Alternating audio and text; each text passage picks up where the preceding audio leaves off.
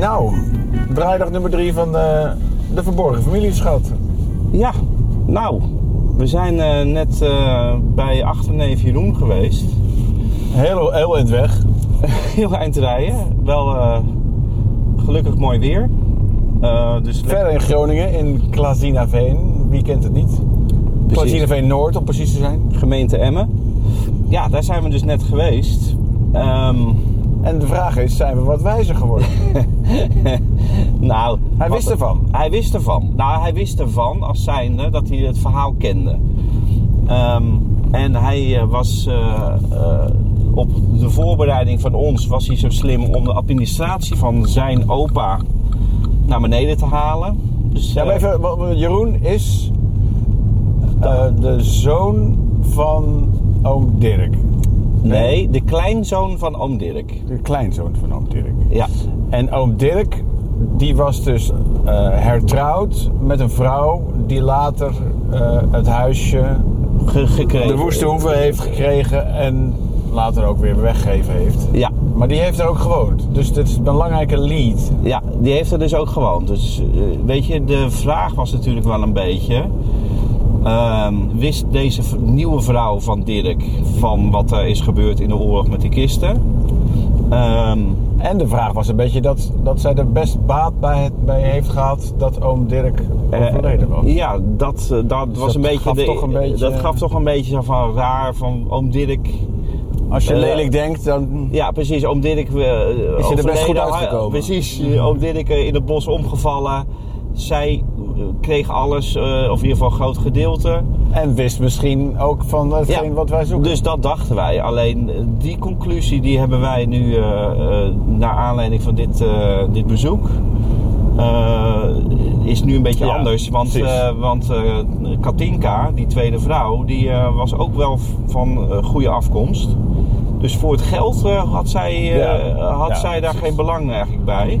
Maar er komen ook wel lelijke verhalen over deze Katinka. Ja, naar boven, zeg. Katinka Ik hoor- was ik niet- heb de heks gehoord, ik heb zure vrouwen, lelijke met jachtgeweer. Ja, f- ja ze was, eh, het, was, eh, het was niet zo'n hele aardige vrouw. en ze Gewoon een maakte- doorsnee familieverhaal. dat Ja, is het. ja, precies. Ja, maar deze maakte wel vervelende opmerkingen ook eh, her en der tegen mensen.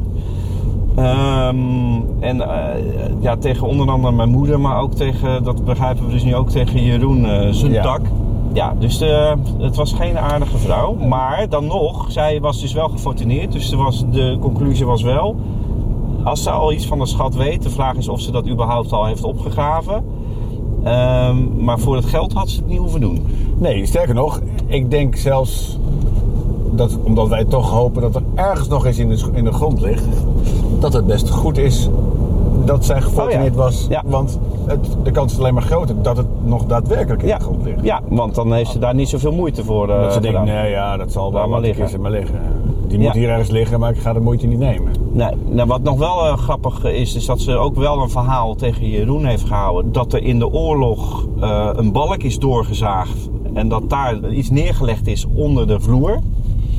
Ehm, dus dat is wel een bijzonder verhaal. Dat zij daar zelf eens mee is gekomen. En dat heeft weer met dat huisje te maken. Dus dat huisje, dat blijkt al Ja, keer dat- op keer wel dus het, Precies. het centrale punt te zijn. Dus Dus eigenlijk kunnen we er niet omheen dan bij dat huisje eens te gaan zoeken.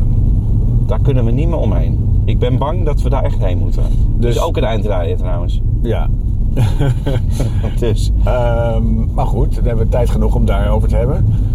Ehm, dus, jouw moeder eh, heeft ervan gehoord, maar weet het niet meer. Oom Jan eh, wist, wist ervan, maar heeft nooit de moeite genomen. Nee. Klopt.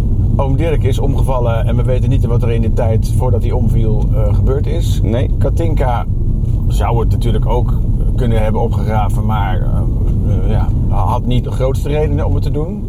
Er blijft Wat? weinig over, maar de- we zitten nog steeds met de schatkaart. Ja. Nou, we zitten dus nog steeds met een schatkaart. Die- Die dus mijn broers hebben gezien. Die hebben we nog steeds niet gevonden. Nee. Maar het grappige is dat mijn broers allebei een redelijk fotografisch geheugen hebben. Ja.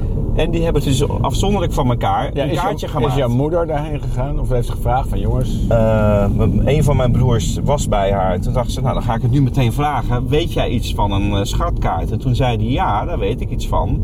Ik weet ook nog wel hoe die eruit ziet. Dus die heeft een tekening gemaakt Uit zijn geheugen op. uit zijn geheugen. Dat was dus nummer 1.